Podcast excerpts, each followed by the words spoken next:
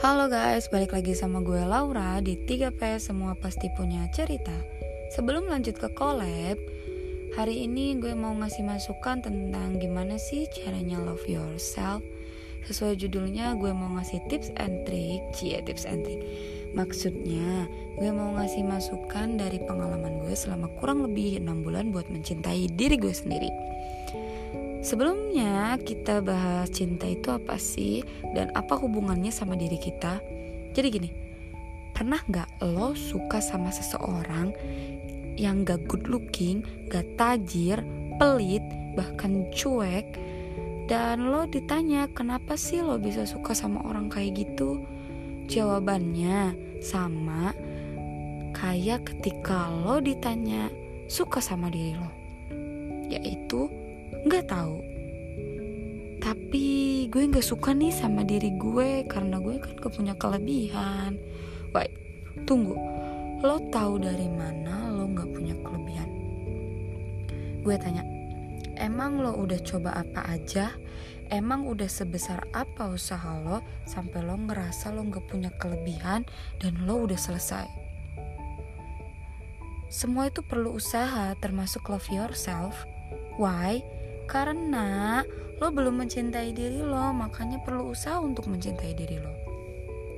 Tapi cinta kan gak bisa dipaksain.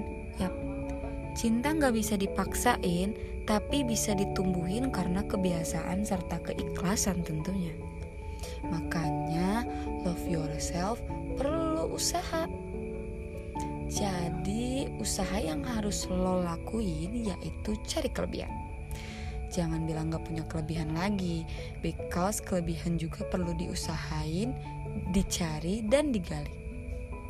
Bagaimana mau mencintai diri sendiri? Kelebihan aja gak tahu dan males buat cari kelebihan. Giliran doi Lo bisa terima setulus hati tanpa kelebihan.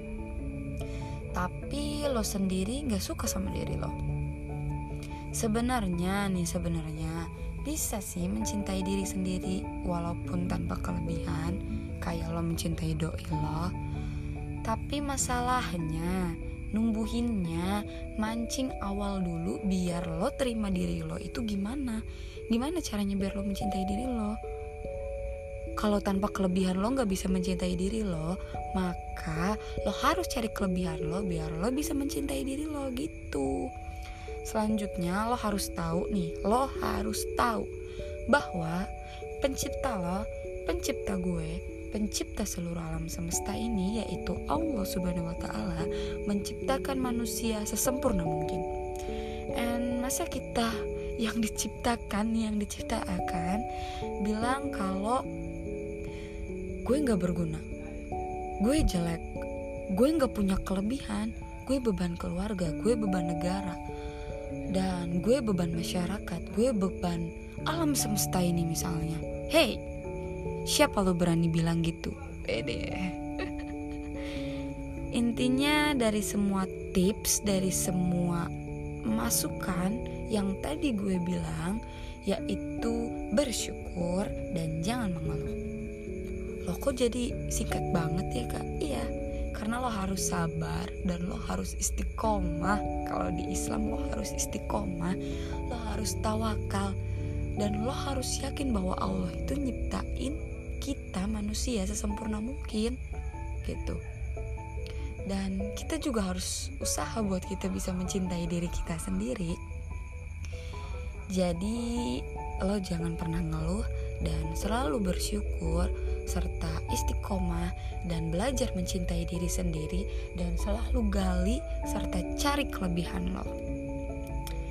Ngeluh boleh, tapi lo jangan putus putus asa. Kenapa jangan putus asa? Karena lo nggak suka orang yang putus asa, ya kan?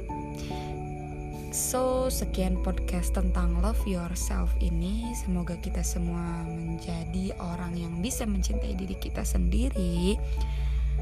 Sekian dari gue, semoga bermanfaat. Dadah.